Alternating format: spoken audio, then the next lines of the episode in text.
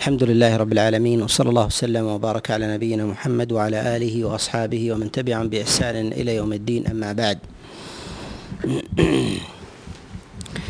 فنشرع في هذا المجلس بإذن الله عز وجل في الكلام على الأحكام المتعلقة بسورة النحل وبسورة الإسراء. ومن الأمور المهمة والتقدمات الضرورية لما يأتي من صور وهذه السورة نقول إن السور كما لا يخفى منها ما هو مكي ومنها ما هو مدني.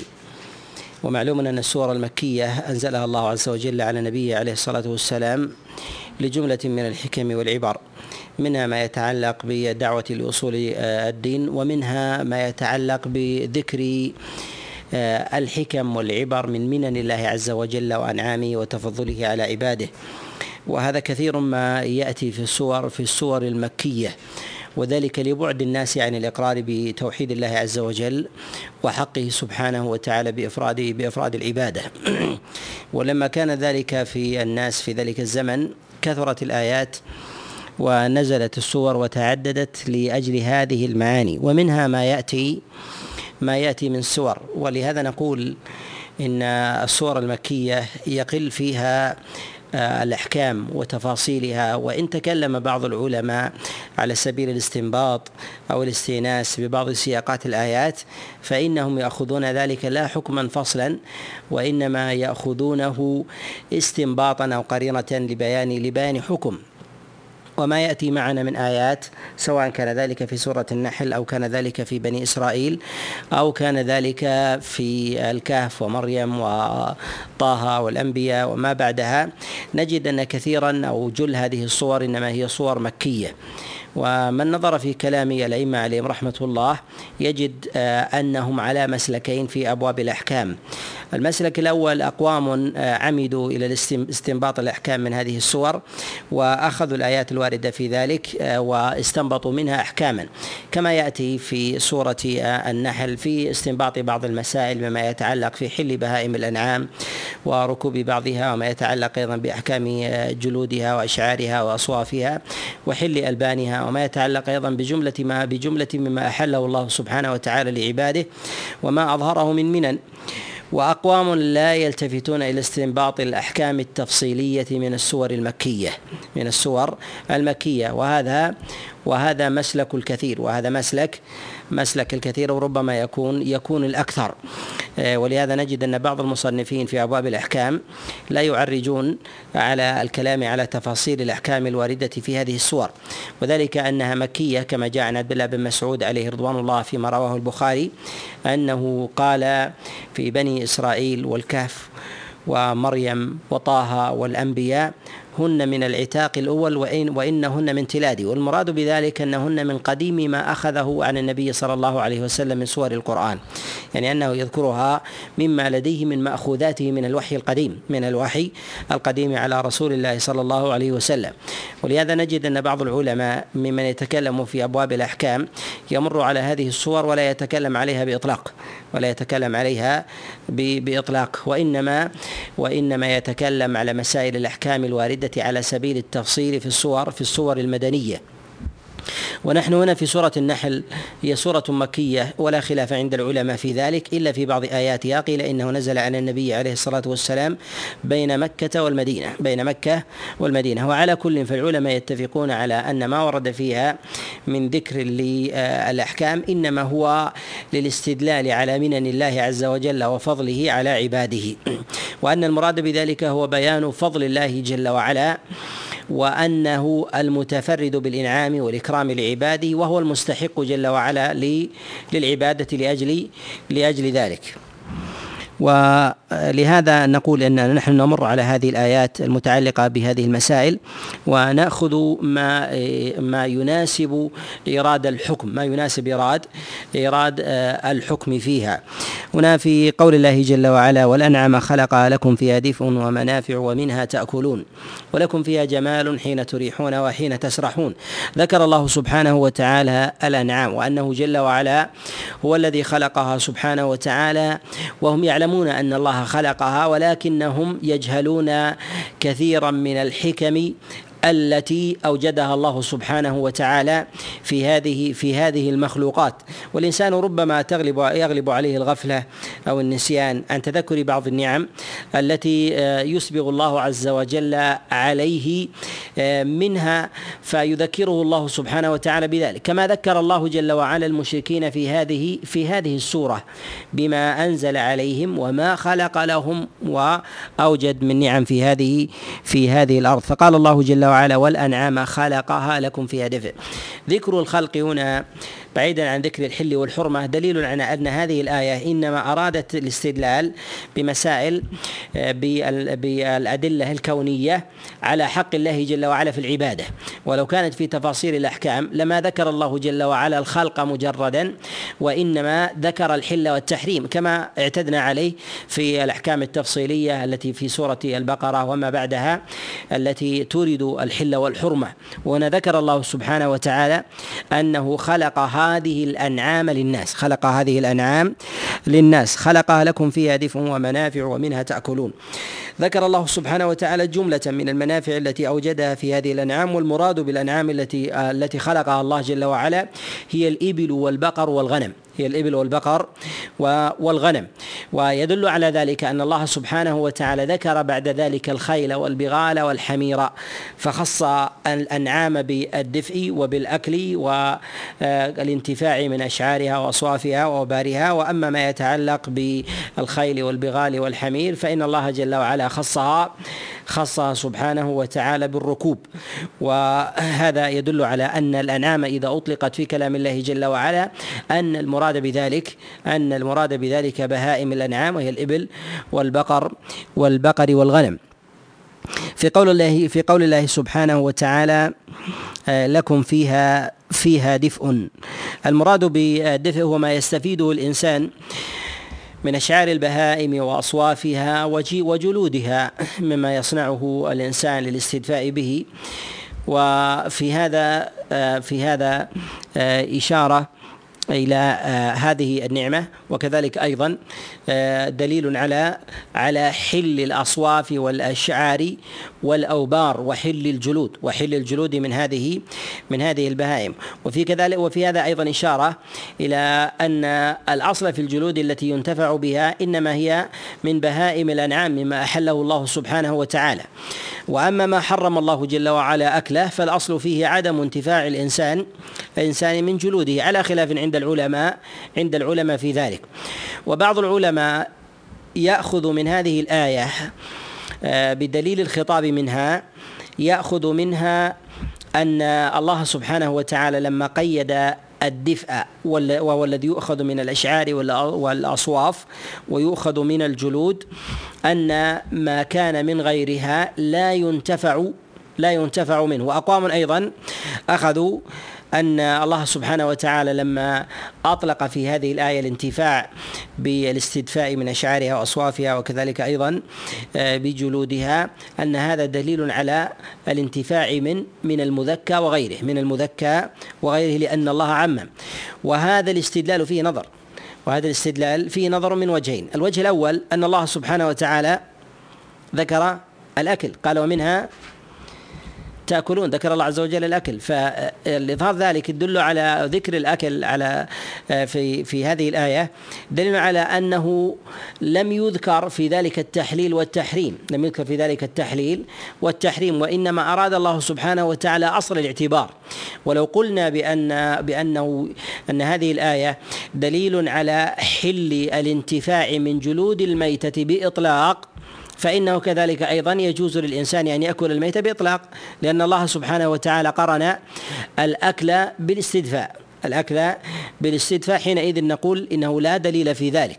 ثم أيضا أي أن هذه الآية لا دليل فيها على حل جلود وكذلك أيضا أشعار وأصواف وأصواف البهائم الميتة أن ما يتعلق بهذه الأحكام وأحكام الجلود إنما نزلت في المدينة. ولم تنزل على رسول الله صلى الله عليه وسلم في مكة وما فهم الناس ذلك وما فهم الناس ذلك. ولو كان الأمر ظاهرا بينا من جهة الاستدلال في هذه الآية على أنها دليل على حل جلود الميتة ما كان للتفصيل والاستشكال عند السلف بعد بعد نزول الحكم على رسول الله صلى الله عليه وسلم في التفصيل في مسائل جلود الميتة. وهذه السور هي من من السور القديمة التي قد ثبتت فيها الأحكام مما يدل على أن هذه الآية لم تكن لتأصيل الحكم. لم تكن لتأصيل الحكم في التشريع وإنما هي لبيان منن الله عز وجل وافضاله على وافضاله على عباده افضاله على على عباده.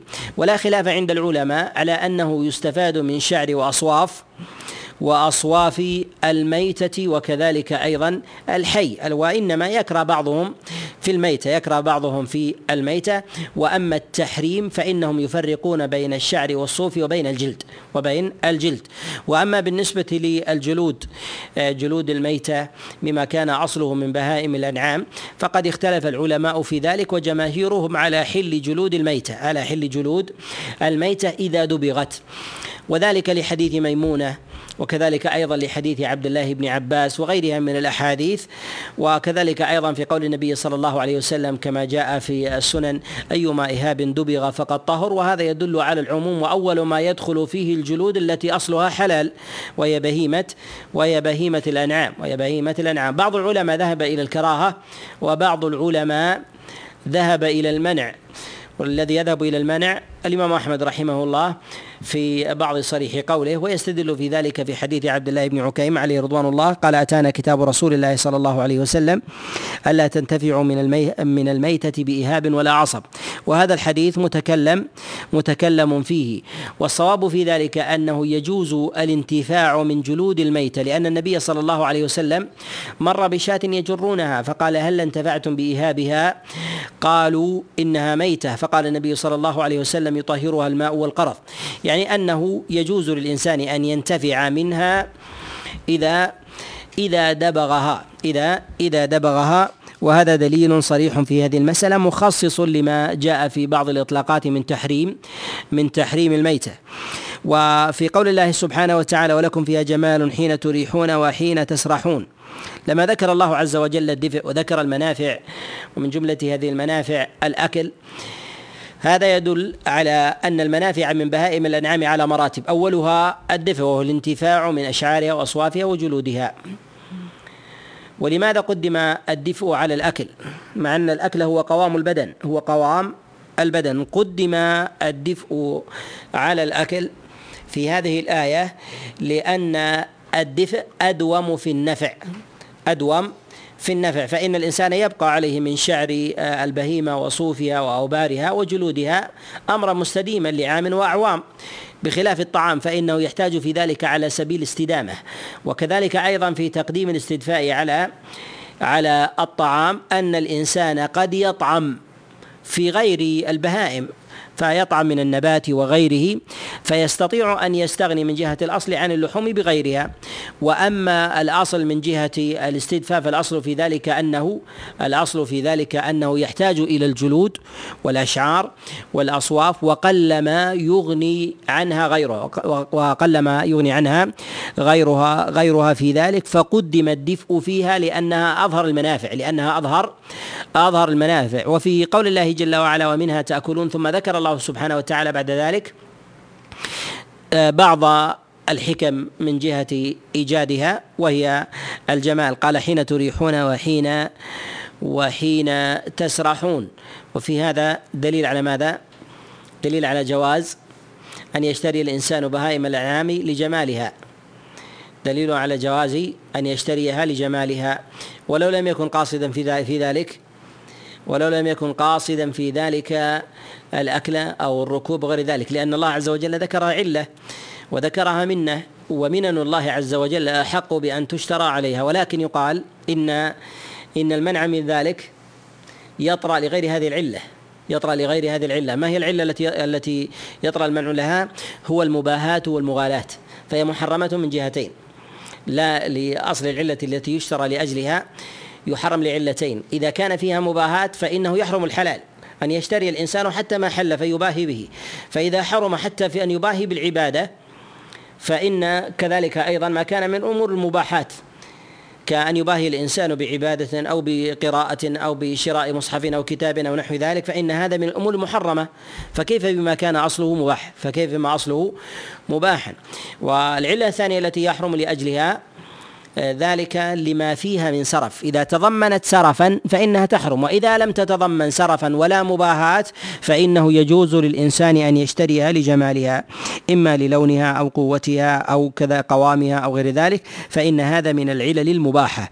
فإن هذا آه، من العلل من العلل المباحة. من العلماء من يقول إن ما يتعلق بذلك في ذكر الجمال في هذه في هذه الآية. المراد بذلك ليس هو جمال منظرها وإنما ما يتحلى به الإنسان ما يتحلى به به الإنسان. نقول الآية في ذلك عامة. ويؤكد في ذلك القرينة في رجحانها في جمالها في في في حياتها أن الله سبحانه وتعالى قال حين تريحون وحين وحين تسرحون. يعني إما أن يكون في سيرها مما مما يعطي الإنسان مثلا تعففا وغنى. وقد جاء النبي عليه الصلاة والسلام في ذكره للخيل قال من اتخذها تعففا و وغنى فهي فهي له أجر فهي له فهي له له أجر. يعني أن هذا مما يرخص فيه ويؤذن مما يرخص فيه ويؤذن. ويجر الإنسان إذا كانت نيته في ذلك أن يدفع أن يدفع ما الظنة في نفوس آه، الناس من ذلتها أو صغارها أو نحو ذلك. فإذا كان مثل هذه العلة وقد تقوى أيضا هذه العلة في إذا كان ذلك أمام أمام عدو فيظهر الإنسان آه، من القوة والغنى والكمال وغير ذلك مما يكسر به نفوس نفوس أعدائه.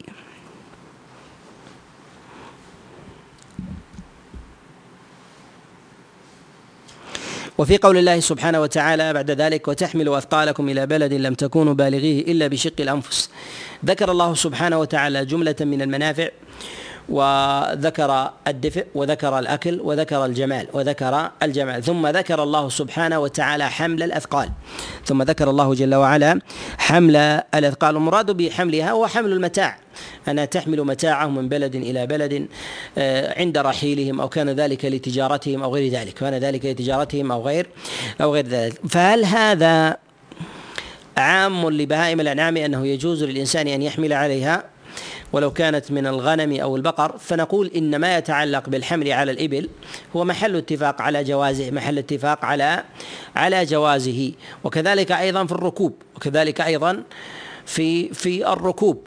وأما ذكر حمل الأثقال مع عطفها على ما تقدم من منافع فهل يعني ذلك العموم؟ نقول لا يعني ذلك العموم.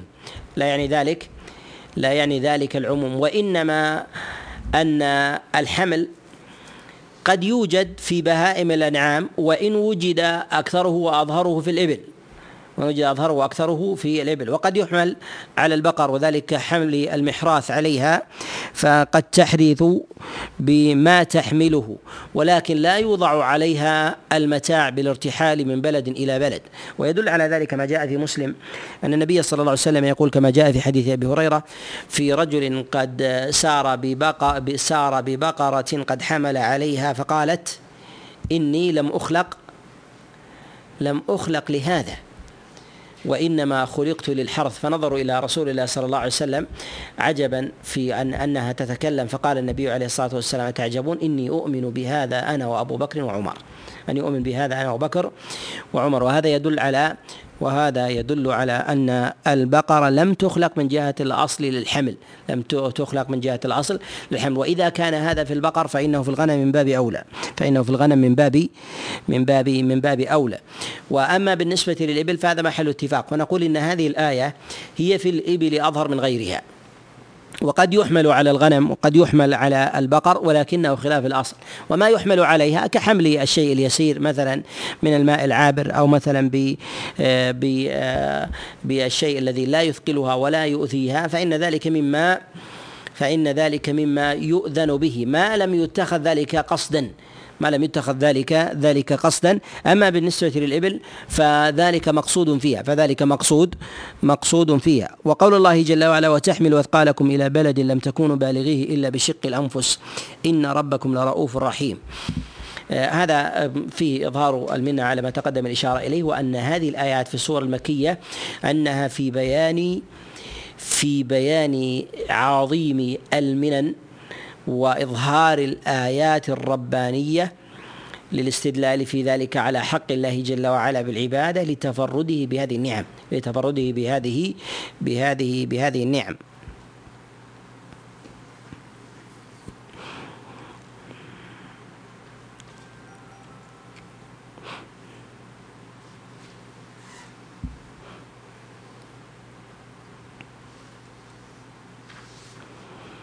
ولا يختلف العلماء على تحريم أذية الحيوان بتحميله ما لا يطيق.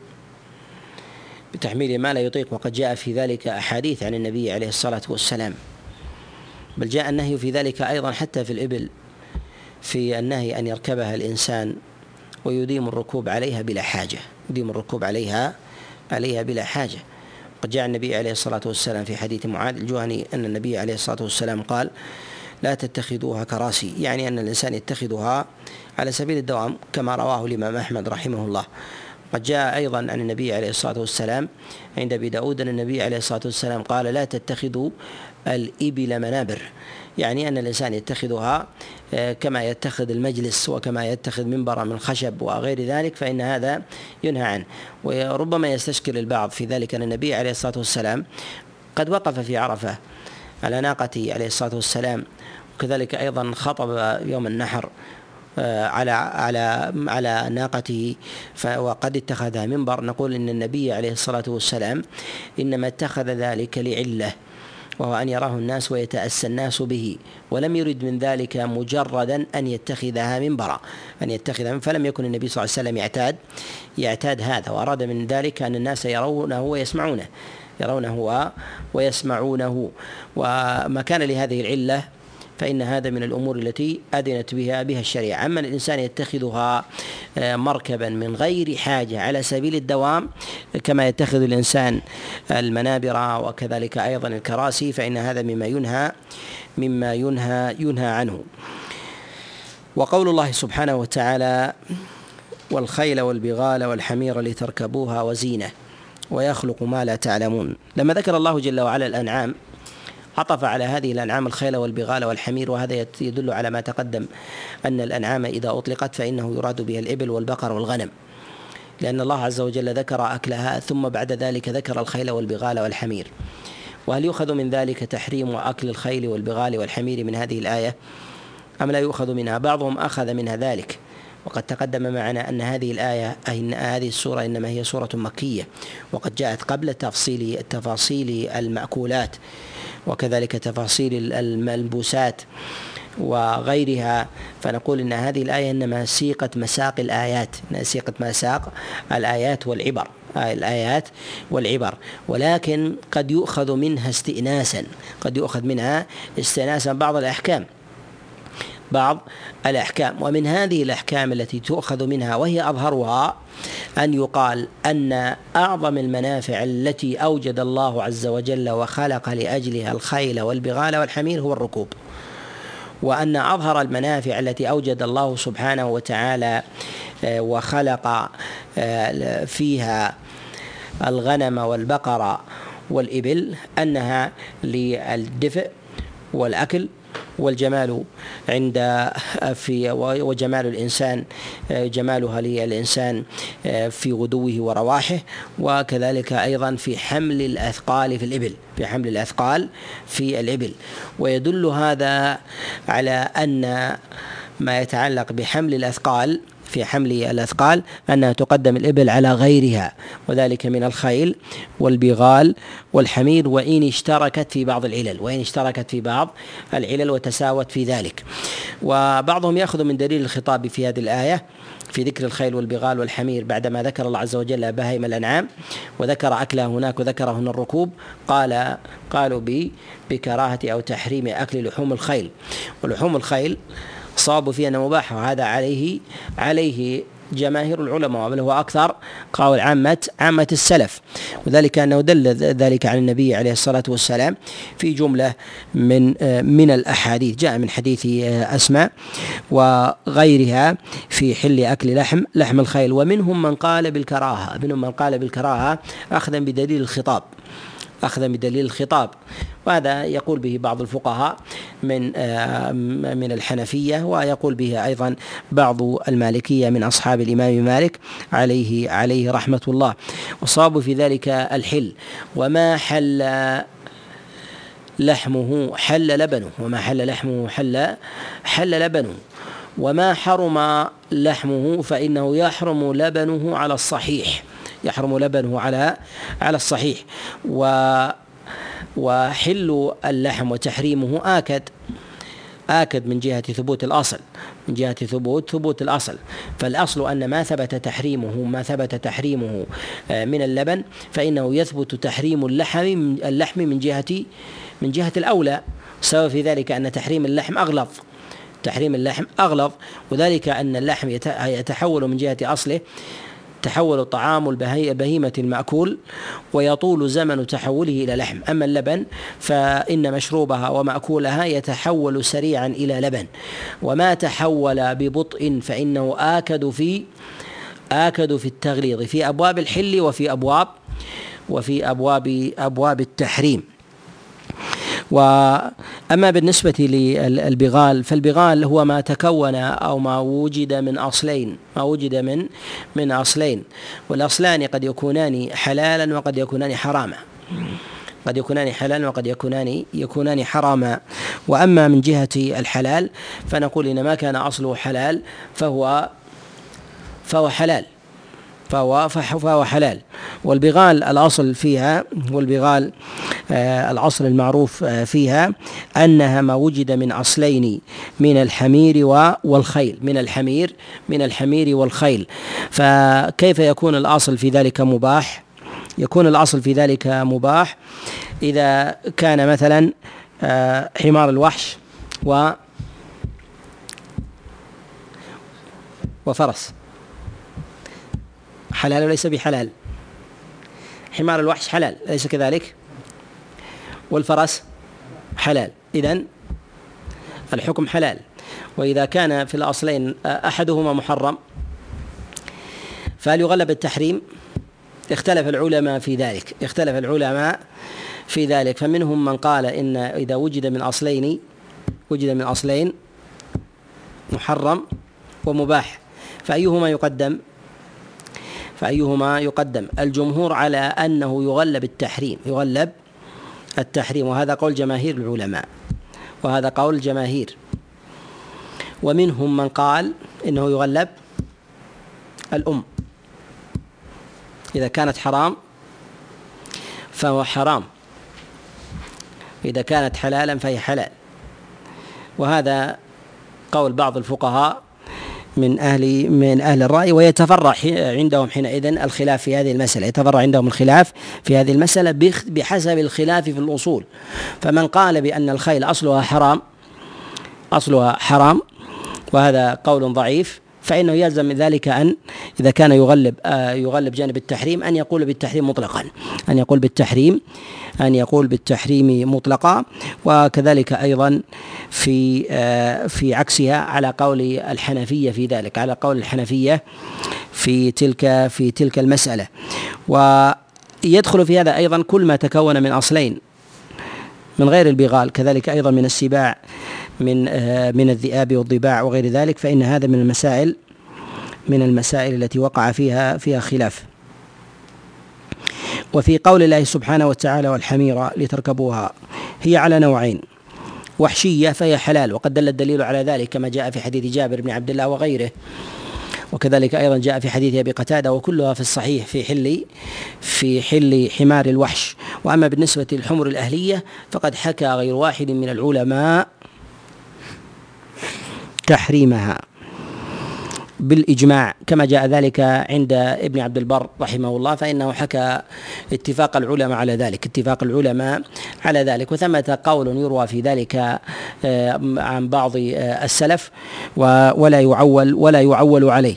وفي قول الله سبحانه وتعالى لتركبوها وزينة ويخلق ما لا تعلمون لما ذكر الله عز وجل هذه الأصناف الثلاثة والخيل والبغال والحمير ذكر الله سبحانه وتعالى ركوبها. ذكر الله جل وعلا ركوبها. وفي هذا إشارة على أن أظهر العلل في هذه الثلاث هو الركوب. أظهر العلل في ذلك هو هو الركوب. ولا يعني من ذلك المنع من الانتفاع منها بغير ذلك. كحمل الأثقال مما لا يؤذيها. كذلك أيضا في حرث الأرض وغير ذلك مما مما مما ينتفع به مما ينتفع به الناس. وقول الله سبحانه وتعالى ويخلق ما لا تعلمون محمول على أمرين. محمول على أن الله عز وجل يخلق من من الأنعام ما لا تعلمون. ومحمول على معنى آخر يخلق الله جل وعلا من المنافع ما لا تعلمون. يعني أن فيها مما يخلقه الله جل وعلا من المنافع ما لا ما لا تعلمون. وهذا فيه إشارة إلى أهمية التدبر والتأمل في آه، في المخلوقات. أن الله عز وجل يوجد فيها من النعم والأسرار والمنن ما ينبغي للإنسان أن يتأمل فيه أن يتأمل فيه. وقد يكون المراد ما لا تعلمون حال نزول الآية فيستحثهم على العلم بذلك. ويكون أيضا المراد أن فيها أيضا ما لا تعلمون حتى لو أردتم البحث عنه فإن الله عز وجل قد أخفاه قد أخفاه عنكم.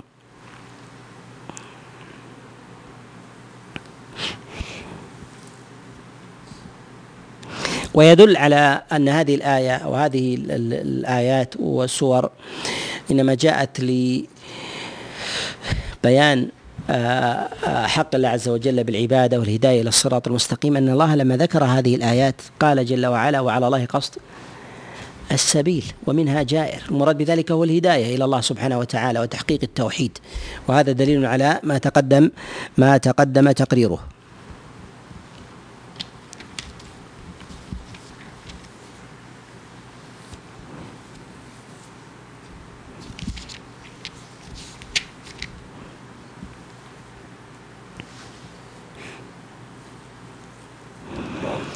في قول الله سبحانه وتعالى والله جعل لكم من بيوتكم سكنا وجعل لكم من جلود الأنعام بيوتا.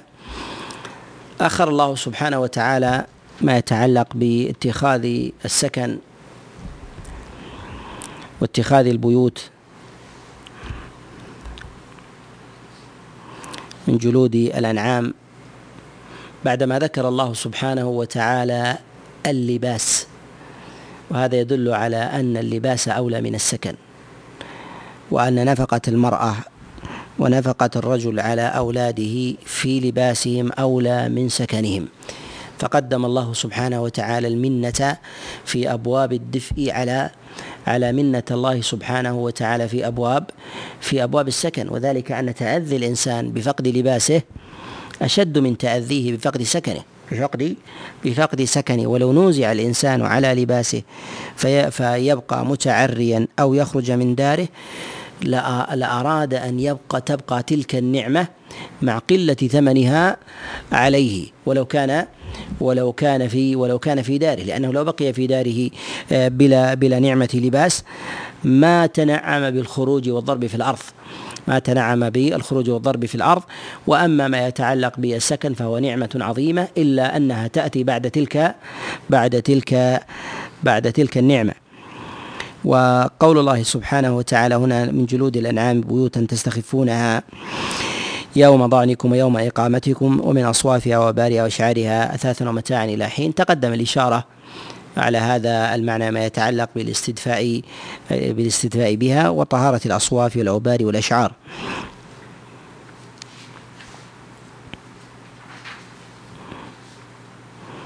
أيضا في قول الله جل وعلا وجعل لكم سرابيل تقيكم الحر وسرابيل تقيكم بأسكم. في هذا منة الله سبحانه وتعالى لعباده أن أوجد لهم ما يصنعون ما يصنعونه من سلاح ودروع من سلاح ودروع يدفعون بها بأس صاحب البأس ويدفعون صولة الصائل. آه، وهذا ما يتعلق بأصل النعمة. وما يتعلق بثبوت الأحكام في ذلك بإعداد آه، العدة تقدم الكلام الكلام على عليها. تقدم معنا الكلام على مسألة إعداد العدة وهذا وهو ما يثبت به الأحكام. أما هنا باتخاذ آه، باتخاذ السلاح والدروع التي يتقي بها الإنسان ويحميها قد يؤخذ من ذلك حكم أن الله سبحانه وتعالى شرع للإنسان أن يتخذ سلاحا يحمي به نفسه من جهتين يحمي به نفسه آه، في أو يدفع به عن عدوه الكافر ومنها كذلك أيضا أن يهيب من يريد من يريد أن أن يعتدي عليه ولو كان من المسلمين يعني من غير أن يوجد من غير أن يوجد أن يوجد آه، عدو يدفعه حاضر بعينه فيكون في ذلك نوع هيبة له نوع هيبة هيبة له.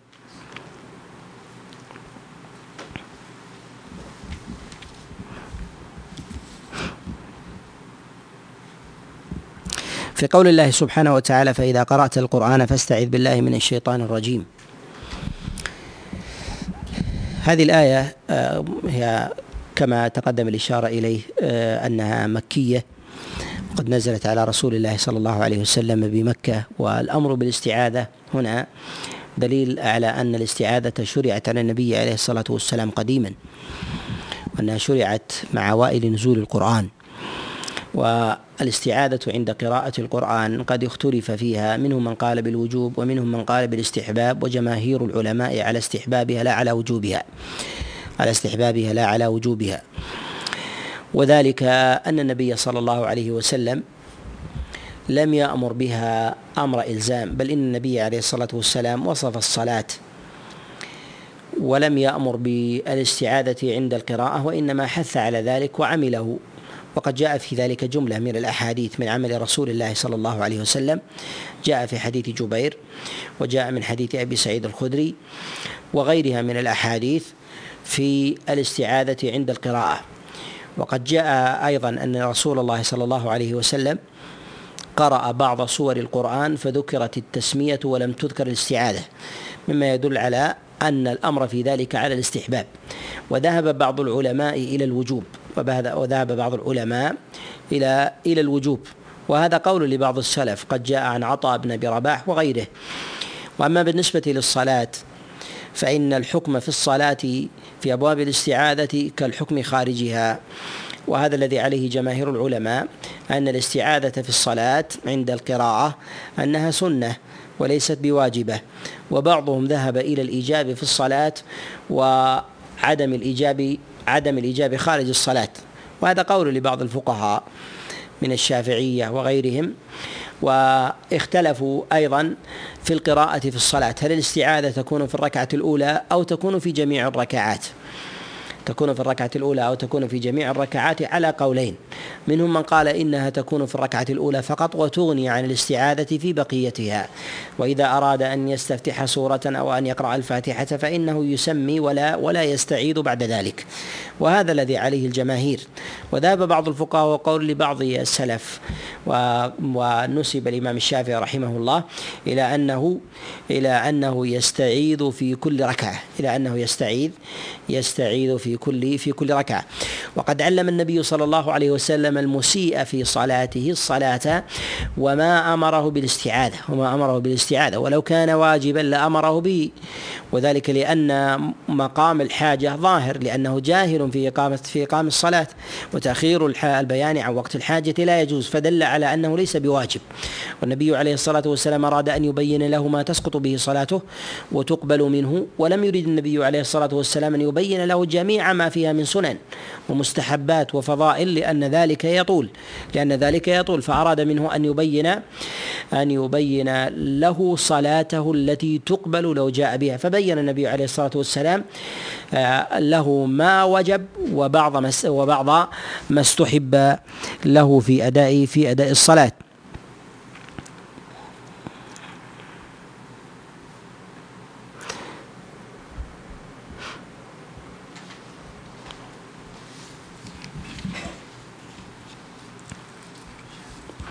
والحكمة من الاستعاذة نعم. نعم. الحكمة من الاستعاذة عند قراءة القرآن مع أن القرآن كلام الله.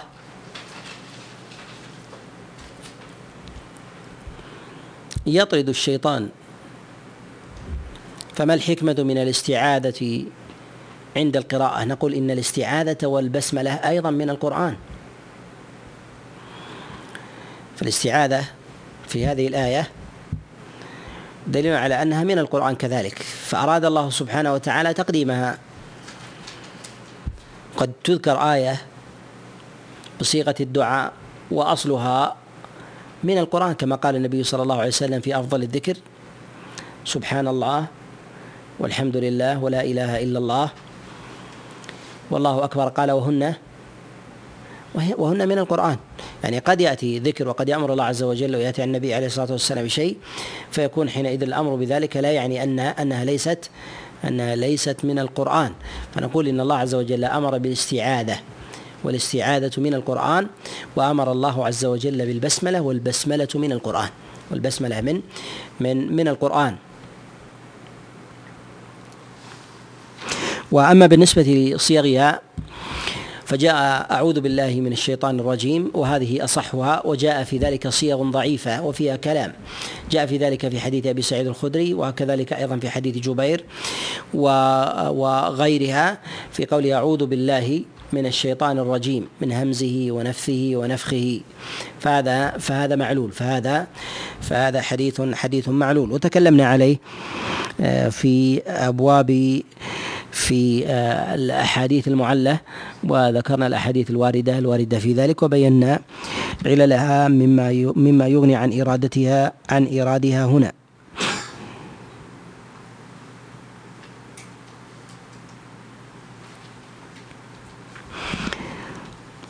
قبل ذلك في الآية الثانية والتسعين في قول الله سبحانه وتعالى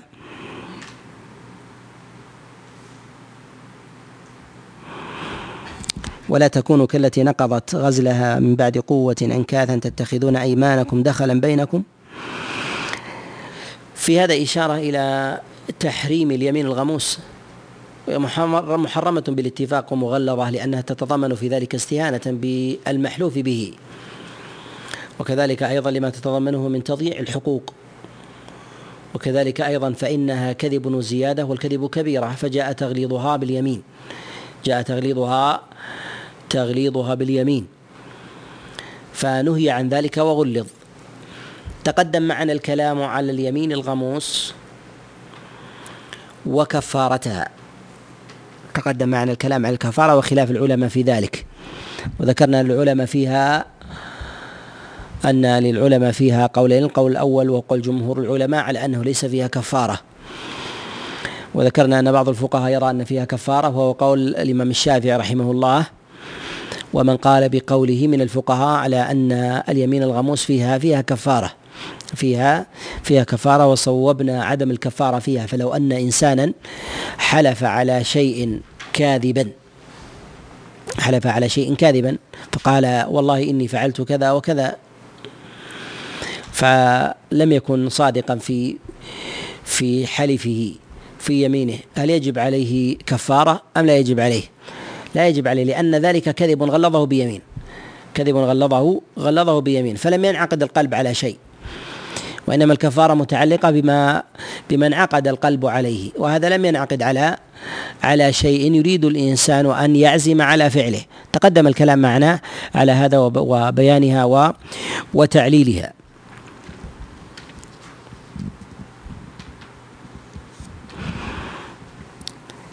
هنا في مسألة الإكراه في الآية المئة والسادسة في قول الله سبحانه وتعالى من كفر بالله من بعد إيمانه إلا من أكره وقلبه مطمئن بالإيمان.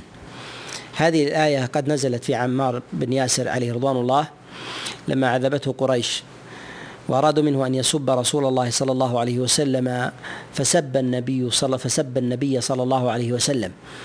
فجاء إلى رسول الله صلى الله عليه وسلم وأخبره بذلك فقال كيف تجد قلبك؟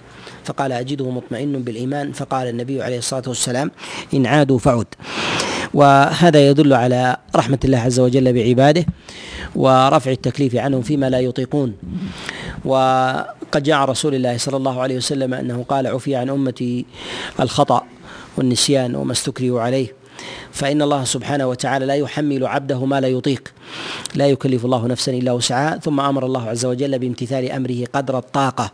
فاتقوا الله ما استطعتم. فهذا من رحمة الله عز وجل ولطفه. وهذا أيضا آه، من آه، القرائن الظاهرة أن الأمر يتعلق بالأصول أن هذه السورة تتعلق بمسائل أصول الديانة. مسائل أصول أصول الديانة. لا يختلف العلماء على أن على أنه يجوز الدخول في الإسلام على أنه يجوز الدخول الدخول في الإسلام مع وجود الإكراه مع وجود الإكراه. يعني أن الإنسان أكره على دخول الإسلام فأسلم. أنه يؤخذ بظاهره ولو ظهرت أمارات الإكراه عليه ولو ظهرت أمارات الإكراه عليه وعدم رغبته في ذلك. أن الإنسان يؤمر مثلا يقال القتال في كان تؤمر طائفة من المشركين إما أن يدخل الإسلام وإما أن أن يقتلوا ويقاتلوا فأظهروا الإسلام. أو يخيروا بين الدخول في الإسلام أو الجزية فاختاروا الدخول بالإسلام. اختاروا الدخول بالإسلام. حينئذ يقبل يقبل دخولهم بالإسلام ولو ظهر منهم الإكراه. ولو ظهر منهم منهم الإكراه. وأما بالنسبة لظهور الكفر من الإنسان وقلبه مطمئن بالإيمان فيتفق العلماء كذلك على أن الكفر الذي يظهره الإنسان وهو مكره على أنه لا يؤاخذ بلوازمه في حق الله سبحانه وتعالى على أنه لا يؤاخذ بلوازمه في حق الله جل وعلا. وأما ما يتعلق بالأحكام الظاهرة بالأحكام الظاهرة مما يتعلق بأحكام الناس بأحكام الناس. فاختلف العلماء في ذلك اختلف العلماء في ذلك في هذه المسألة على قول جمهور العلماء على أنه لا يؤاخذ في حق الله وما يتعلق في حق المخلوقين في حق المخلوقين.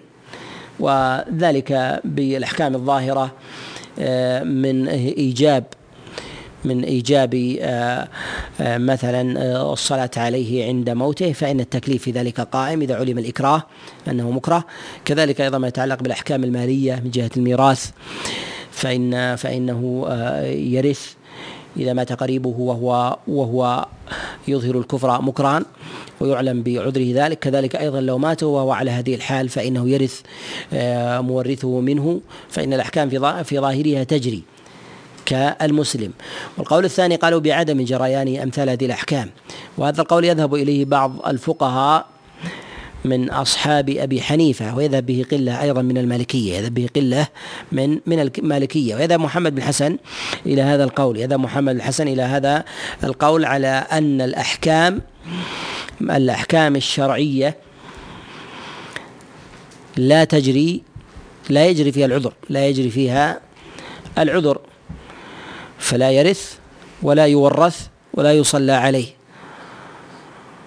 والأصل إحسان الظن بأمره في الآخرة. الأصل إحسان الظن بالآخرة وهذا خلاف الآية وما عليه جمهور العلماء وما عليه جمهور جمهور العلماء. في سورة الإسراء وهي على ما تقدم من السور من السور المكية بلا خلاف. السور المكية بلا بلا خلاف.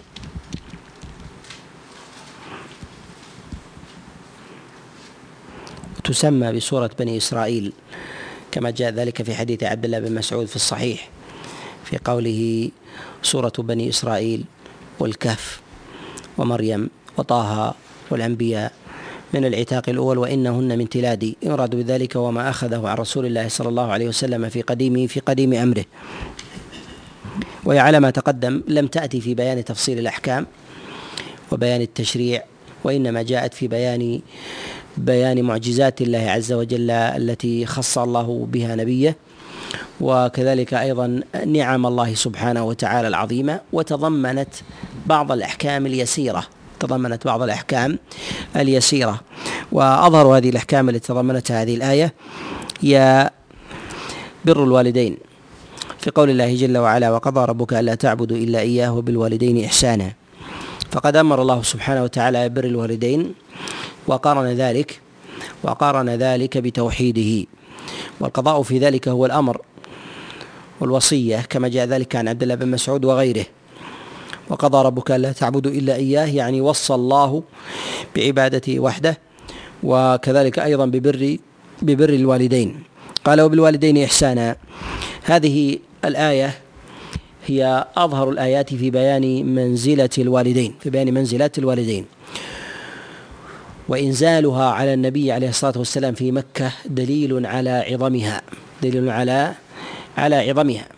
فلا يوجد منزلة لبشر يعظم في الدنيا ويجل بعد الأنبياء مثل الوالدين. مثل الوالدين. ولهذا قارن الله سبحانه وتعالى أمر أمر بره أمر البر بالوالدين بالأمر بعباده بعبادته سبحانه وتعالى.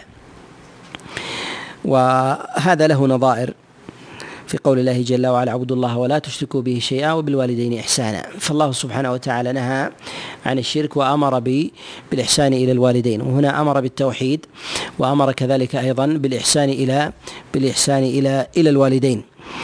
وذكر الله جل وعلا للكبر هنا في هذه الآية إشارة إلى أن الوالد كلما كان أحوج إلى ولده فإن بره في ذلك أعظم فإن بره أعظم من غيره فإن تحين موضع حاجة الوالد فإن ذلك هو من مواضع الفضائل من مواضع الفضائل أو فضائل فضائل الأعمال.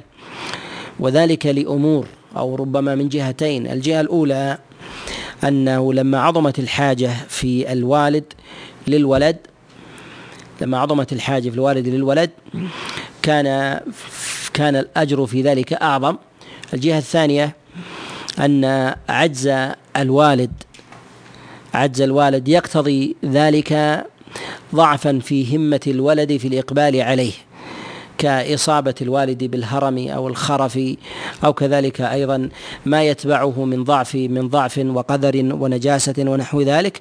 فأراد الله سبحانه وتعالى أن يبين عظم هذه المنزلة ولو ضعفت النفوس بالإقبال إليها بالإقبال إليها. فأراد الله سبحانه وتعالى أن يبين أن يبين الفضل وذلك لي للجهتين.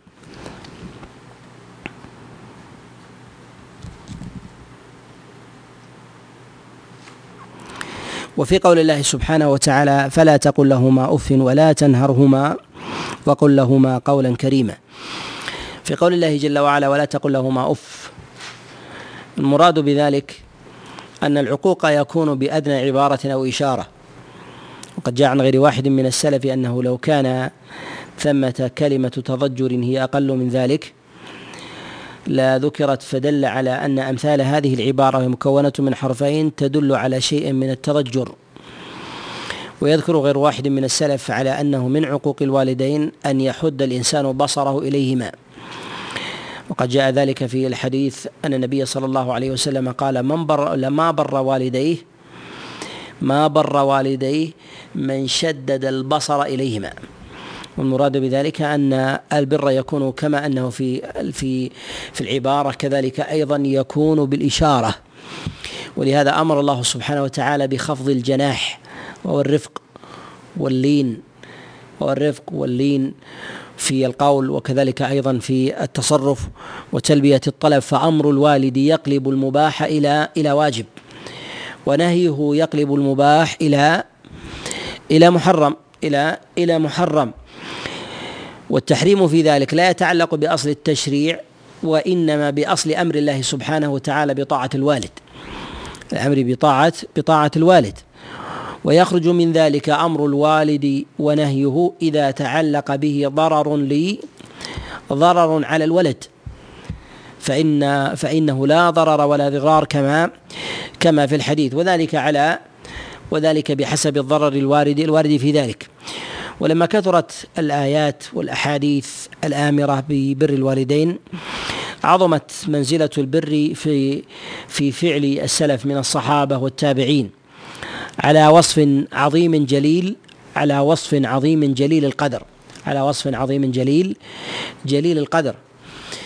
ومن الحكم التي آه التي من نظر إليها وجد أن الله سبحانه وتعالى يجعل الأنبياء أو أكثرهم يجعل الأنبياء أو أكثرهم لا تكون آباؤهم في حال مبعثهم ونزاعهم مع الناس. ونزاعهم مع مع الناس. وإن وجد فهو فهو قليل. والعلة في ذلك أن لعظم الأمر ببر الوالدين والامتثال لهما والرأفة بهما مما يزاحم التفرغ لمثل ذلك مما يزاحم التفرغ لمثل لمثل ذلك. وتجد أن الله سبحانه وتعالى يوجد شيئا من ذلك ما أوجده في إبراهيم مع ابيه آزر وذلك لأن اتجاه الدعوة واحد فهو يدعو أباه فيتضمن فيتضمن إنكاره على أبيه ودعوته له برا له. ضمن برا برا له. وكذلك أيضا ما يكون في ذلك من إشغال القلب ونحو ذلك. وهذا ما كان لرسول الله صلى الله عليه وسلم. هذا ما كان لرسول الله صلى الله عليه وسلم. فإنه يتضمن جملة من الحكم يكون منها يكون منها هذه والله والله أعلم.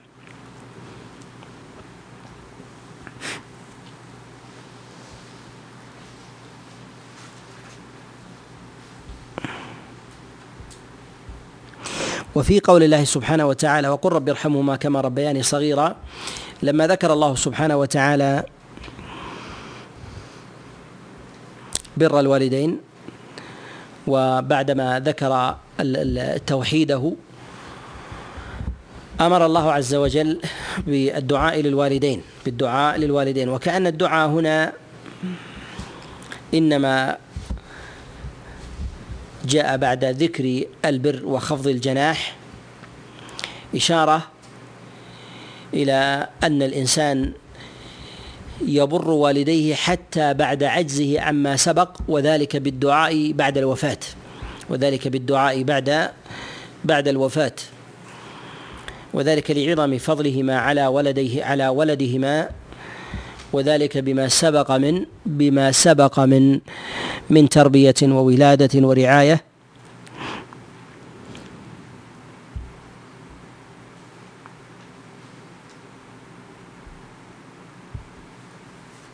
في قول الله سبحانه وتعالى وآت ذا القربى حقه والمسكين وابن السبيل ولا تبذر تبذيرا.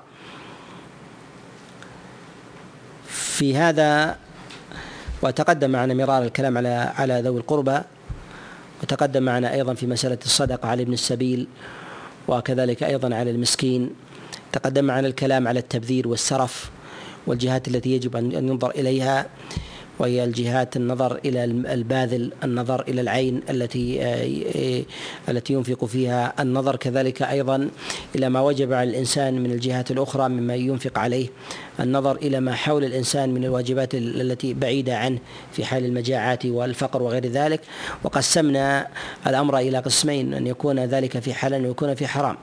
أما إذا كان في حرام فلو كان درهما أو ذرة فإنه فإنه سرف. فإنه سرف ولو كان شيئا قليلا.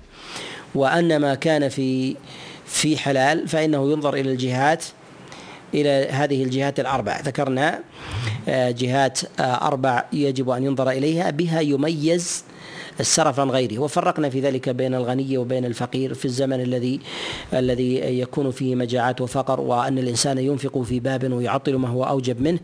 وفصلنا في هذه المسألة مما يغني عن الإعادة هنا. لكن هنا ثمة آه، معنى أن الله سبحانه وتعالى أمر بإيتاء ذي القربى.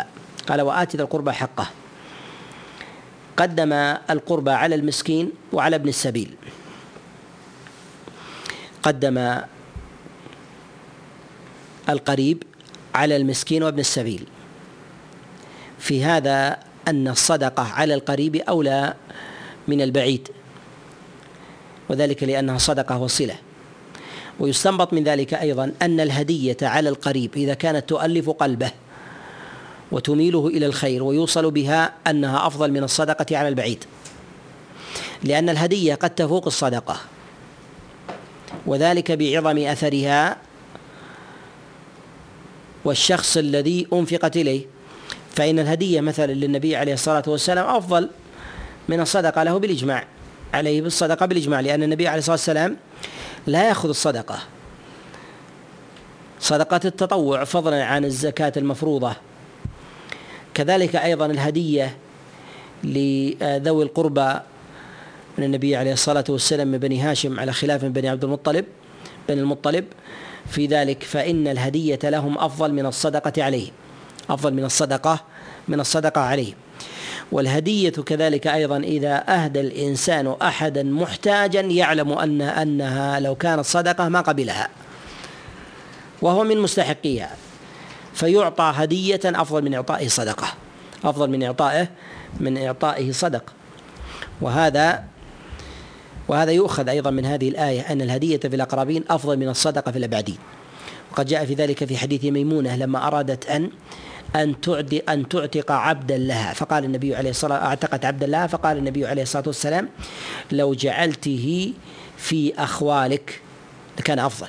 وهذا يدل على أن معلوم أن العبد والخادم يكون في العادة فوق الحاجة يكون فوق الحاجة لأن الإنسان إذا كان فقيرا قام بحاجته واكتفى وإذا اكتفى بعد ذلك يأتيه بعد ذلك العبد والخادم فإن الخدم والموالي في الغالب أنهم يكونون عند الأغنياء أنهم يكونون عند الأغنياء وهذا من القرائن التي آه، يقال بأن النبي عليه الصلاة والسلام لما فضل جعلها في أخوالها أفضل من صدقتها بإعتاقها أن يقال بأن الهدية على الأقربين هي أفضل من الصدقة على الأبعدين أفضل من الصدقة على الأبعدين.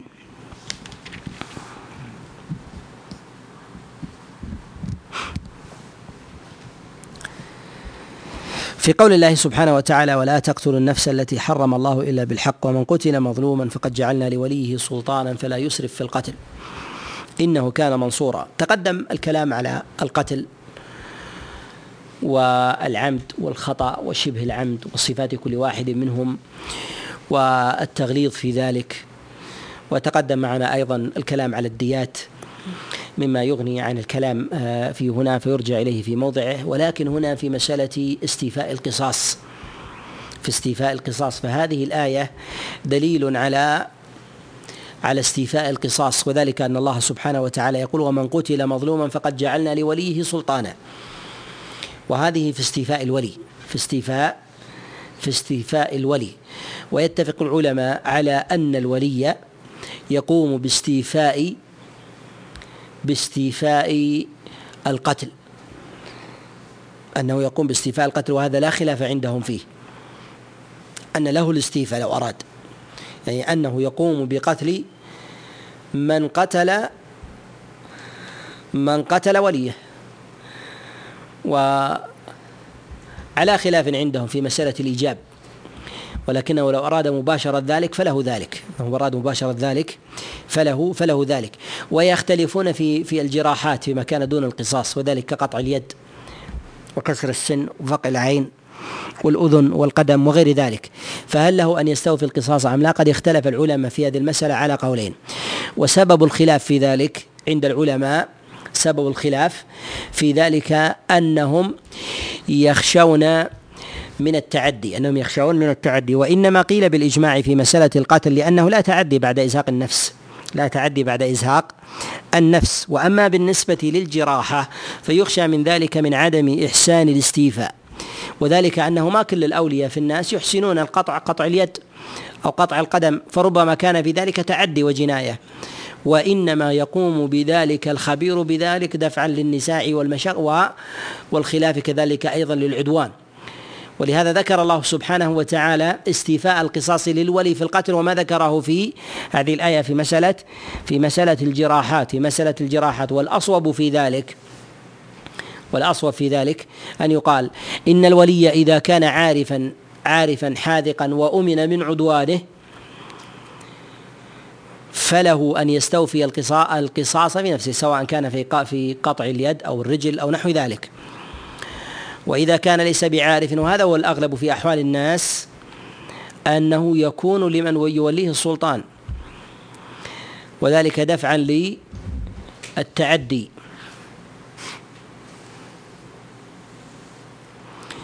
ومن القرينة في ذلك في قول الله سبحانه وتعالى فلا يسرف في القتل إنه كان منصورا. مع كون القتل إزهاق للنفس والعدوان فيما بعده غير ظاهر فإن إذا أزقت النفس إلا أن الله سبحانه وتعالى نهى عن السرف ويظهر السرف في بعض الصور وذلك ربما يكون قتل بتعذيب. قتل بتعذيب. فبدلا من أن يقتل بضربة بالسيف يقتل بضربتين وثلاث وأربع أو خمس ممن لا يحسن القتل.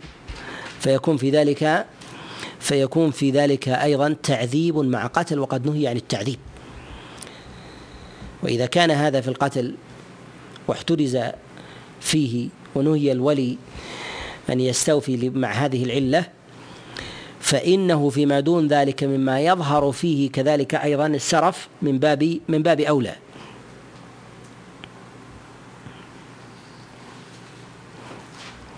تقدم معنا في الكلام على مال اليتيم هنا في قول الله عز وجل ولا تقربوا مال اليتيم إلا بالتي هي أحسن حتى يبلغ أشده. تقدم معنا في سورة النساء تقدم معنا أيضا في سورة البقرة الكلام على على مال اليتيم والمتاجرة فيه ومتى يدفع إليه وما هو السن الذي يدفع إليه ماله وكذلك أيضا كيف يعرف بامتحانه وخلاف العلماء عليهم رحمة الله تعالى في هذه في هذه المسألة مما يغني عن إعادتها هنا. كذلك أيضا في قول الله جل وعلا وأوفوا بالعهد إن العهد كان مسؤولا. تقدم معنا الكلام على آيات العهد والوفاء بها في آه، السور المدنية وذكرنا أنواع العهود عهود العباد مع الله وعهود العباد فيما كان بين العباد ما كان مع الله عز وجل ما يتعلق بالوفاء بالأيمان والنذور وما يكون ما كان مع الناس منه ما يكون بأمور معنوية ومنها ما يكون بأمور حسية وذلك بالبيع والشراء وغير ذلك ومنها الوعود التي يعد بها الناس آه، بالوفاء بها وعلى خلاف عند العلماء في ذلك من جهة الإلزام بها وعدمه وتقدم الكلام فيها فيرجع إليه في مضان كذلك أيضا في مسألة الكيل. في قول الله جل وعلا وأوفوا الكيل إذا كلتم. تقدم معنا في مسألة الوفاء بالكيل وتحريم أكل أموال الناس بالباطل في صدر سورة البقرة. وذكرنا ذلك وفصلنا فيه. وذكرنا كذلك أيضا عند كلامنا على على ما وقع من قوم شعيب ما وقع من قوم شعيب من تطفيف في المكيال والميزان. وذكرنا أيضا العشور التي كانوا يأخذونها في الطرقات وذكرنا في ذلك وفصلنا فيها وذكرنا وذكرنا كذلك أيضا في مسائل الضرائب والعشور التي يأخذها السلطان وأحكامها وفصلنا فيها وفرقنا بين ما كان عن مقابل وما كان بغير مقابل. وذكرنا أيضا ما يتعلق ببعض الصور المعاصرة من أمور الجمارك التي تؤخذ كذلك أيضا الضرائب التي تكون على الجسور وتكون على الطرقات وتكون كذلك أيضا على البضائع والتجارات. تقدم الكلام عليها فيرجع فيرجع إليه في في موضعه.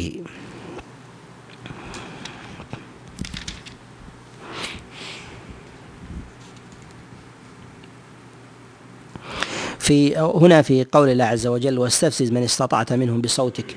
هنا بعضهم قال بأن المراد بذلك هو الغنى. آه، ولكن آه، القول هذا فيه آه، فيه كلام.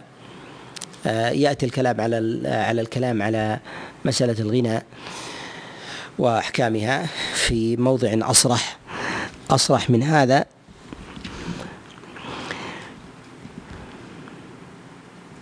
في قول الله سبحانه وتعالى يوم ندعو كل أناس بإمامهم فمن أوتي كتابه بيمينه. في هذا استحباب الأخذ والعطاء باليمين. استحباب استحباب الأخذ والعطاء باليمين لأن الله عز وجل يسلم العبد بيمينه كتابه إذا كان من أهل النجاة وإذا كان من أهل الهلاك أعطي بشماله. ويدل على ذلك بعض المواضع في كلام الله سبحانه وتعالى كقول الله جل وعلا وما تلك بيمينك يا موسى؟ يدل على أنه كان يحمل عصاه بيمينه. وكذلك أيضا يدل على استحباب استعمال اليمين في الأمور المكرمة في تناول الكتب وتقليبها والكتابة. كما في قول الله جل وعلا تخطه بيمينك. يعني أن الكتابة من جهة الأصل تكون بماذا؟ باليمين. وأن هذا هو السنة. أن هذا هو هو السنة. وأنه أقرب للفطرة. يدل على عظم صلاة الليل أن الله سبحانه وتعالى شرعها لنبيه عليه الصلاة والسلام بمكة. ويأتي الكلام عليها بإذن الله عز وجل في سورة المزمل. وما هو السنة في ذلك في قيام الليل؟ وعدد الركعات. ويأتي أيضا معنا في تقسيم النبي لليلة. وكذلك أيضا في قيام داود وكيف كانت صفته. وهدي رسول الله صلى الله عليه وسلم يأتي في ذلك الموضع. ولكن هذه الآية في أبواب الفضائل. هذه الآية في أبواب في أبواب الفضائل. هنا في الآية الخامسة والثمانين في قول الله جل وعلا ويسألونك عن الروح قل الروح من أمر ربي وما أوتيتم من العلم إلا قليلا. هذه دليل على أن البشر لا يعلمون من أمر الروح شيئا. وبه نعلم بطلان ما يسمى بعلم الأرواح. به نعلم بطلان ما يسمى بعلم الأرواح. أما علم النفوس وعلم النفس فهذا جائز وسائغ. أما ما يسمى بعلم الأرواح فهو علم باطل. باعتبار أن الأصل مجهول فكيف تعلم مجهولا؟ لا تعلمه أنت. وحجبه الله عز وجل عنك وعن غيرك. حجبه الله عز وجل عنك وعن وعن غيرك. ولهذا لما جاء اليهود إلى رسول الله صلى الله عليه وسلم وسألوه عن الروح بين الله عز وجل وكذلك كفار قريش بين الله سبحانه وتعالى أن أمر الروح إليه ليس إلى أحد ليس إلى أحد. ثم في قوله جل وعلا وما أوتيتم من العلم إلا قليلا. يعني ما أوتيتم من العلم الآخر المادي المعاين. شيء قليل. فكيف تعلم تريدون أن تعلموا تفاصيل ما لا تدركونه لا بأبصاركم ولا بحواسكم؟ ولهذا نقول إن الدليل على على بطلان ما يسمى بعلم الأرواح أن أن أصل ما يبحث في علمه مجهول. البدن معلوم. يعالج بدن معلوم. أما الروح مجهولة. فكيف تعلم شيئا مجهولا؟ فإذا كان البدن وهو معلوم ومحسوس أمامك تجهل من طبه الشيء الكثير ومن علمه الشيء الكثير. فكيف تريد أن تعلم شيئا لا تعلمه أنت؟ فتريد أن تعلم طبه. أن تعلم أن تعلم طبه. ولهذا نقول إن إن ما يسمى بعلم الأرواح باطل في ظاهر هذه في ظاهر هذه الآية. في قول الله سبحانه وتعالى في خاتمة سورة بني إسرائيل الإسراء يقول الله جل وعلا ويخرون للأذقان يبكون ويزيدهم خشوعا. أو في قول الله جل وعلا ويقولون سبحان ربنا إن كان وعد ربنا لمفعولا. ويخرون للأذقان يبكون ويزيدهم خشوعا. هل في ذكر الله عز وجل التسبيح دليل على أن التسبيح إنما كان في السجود؟ أم كان أما المراد بذلك في التسبيح في هذه الآية هو الصلاة؟ مراد بذلك الصلاة أم هو تسبيح خارج الصلاة؟ تسبيح خارج خارج الصلاة. نقول في التسبيح في هذه في هذه الآية والمراد بذلك هو تنزيه الله سبحانه وتعالى ويحتمل أن المراد بذلك هو التسبيح بالذكر التسبيح بالذكر. وهذه الآية كانت من مواضع السجود. إلا أنها قرينة على أن التسبيح في سجود التلاوة مستحب وهذا لا خلاف عند العلماء فيه. يتفق العلماء على استحباب التسبيح في سجود التلاوة. وإن اختلفوا في صيغته إلا أن ما كان فاضلا في سجود الصلاة فهو فاضل في سجود التلاوة لأن سجود الصلاة أعظم. وأما ذكر معين في سجود التلاوة وأما ذكر معين في سجود التلاوة جاء في ذلك أحاديث عن رسول الله صلى الله عليه وسلم منها ما جاء في حديث عائشة أن النبي صلى الله عليه وسلم كان يقول في سجود التلاوة سجد وجهي للذي خلقه وشق سمعه وبصره بحوله وقوته. فهذا الحديث الصواب فيه أنه أنه معلول وعلته في ذلك أنه يرويه أبو العالي رفيع بن مهران عن عائشة عليه رضوان الله تعالى وهذا الحديث معلول بالقطاع فإنه يرويه ابن أبي خالد عن رجل عن أبي العالية. وجاء أيضا من حديث بكر بن عبد الله المزني عن رسول الله صلى الله عليه وسلم ولا يثبت في دعاء سجود التلاوة شيء لا دعاء ولا ذكر. وحينئذ يقال إنه يرجع به إلى أصله. فيدعى ويذكر ما يدعى ويذكر عادة في سجود الصلاة. لأنه أكمل. وما صح في الفريضة فإنه يصح من باب أولى في النافلة. بخلاف ما كان في النافلة فإنه لا يلزم أن يكون هو أولى وأصح أن يكون في في الفريضة. وذلك لأن الفريضة آكد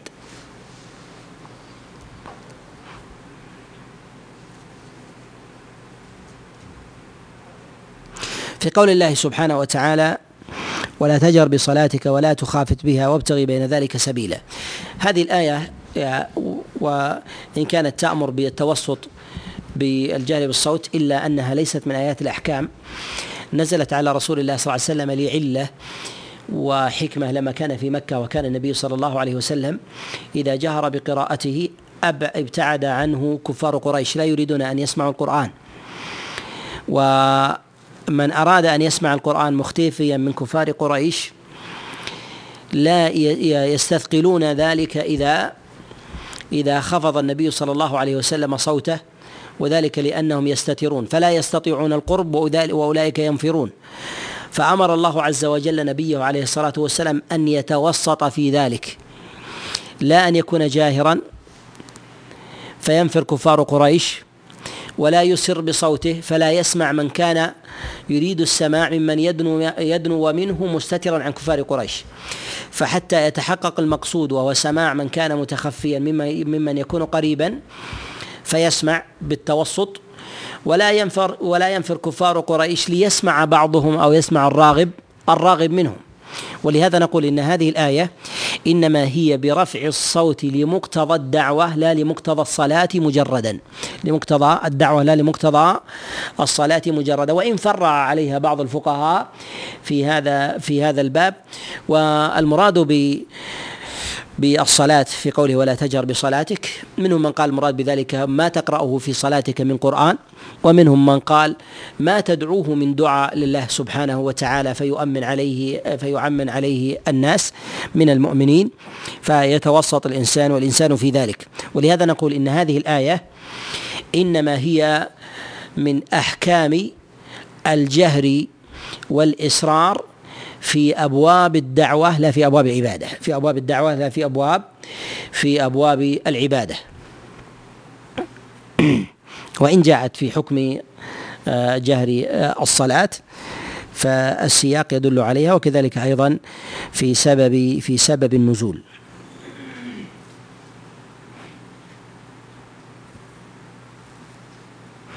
نكتفي بهذا القدر وصلى الله وسلم وبارك على نبينا محمد.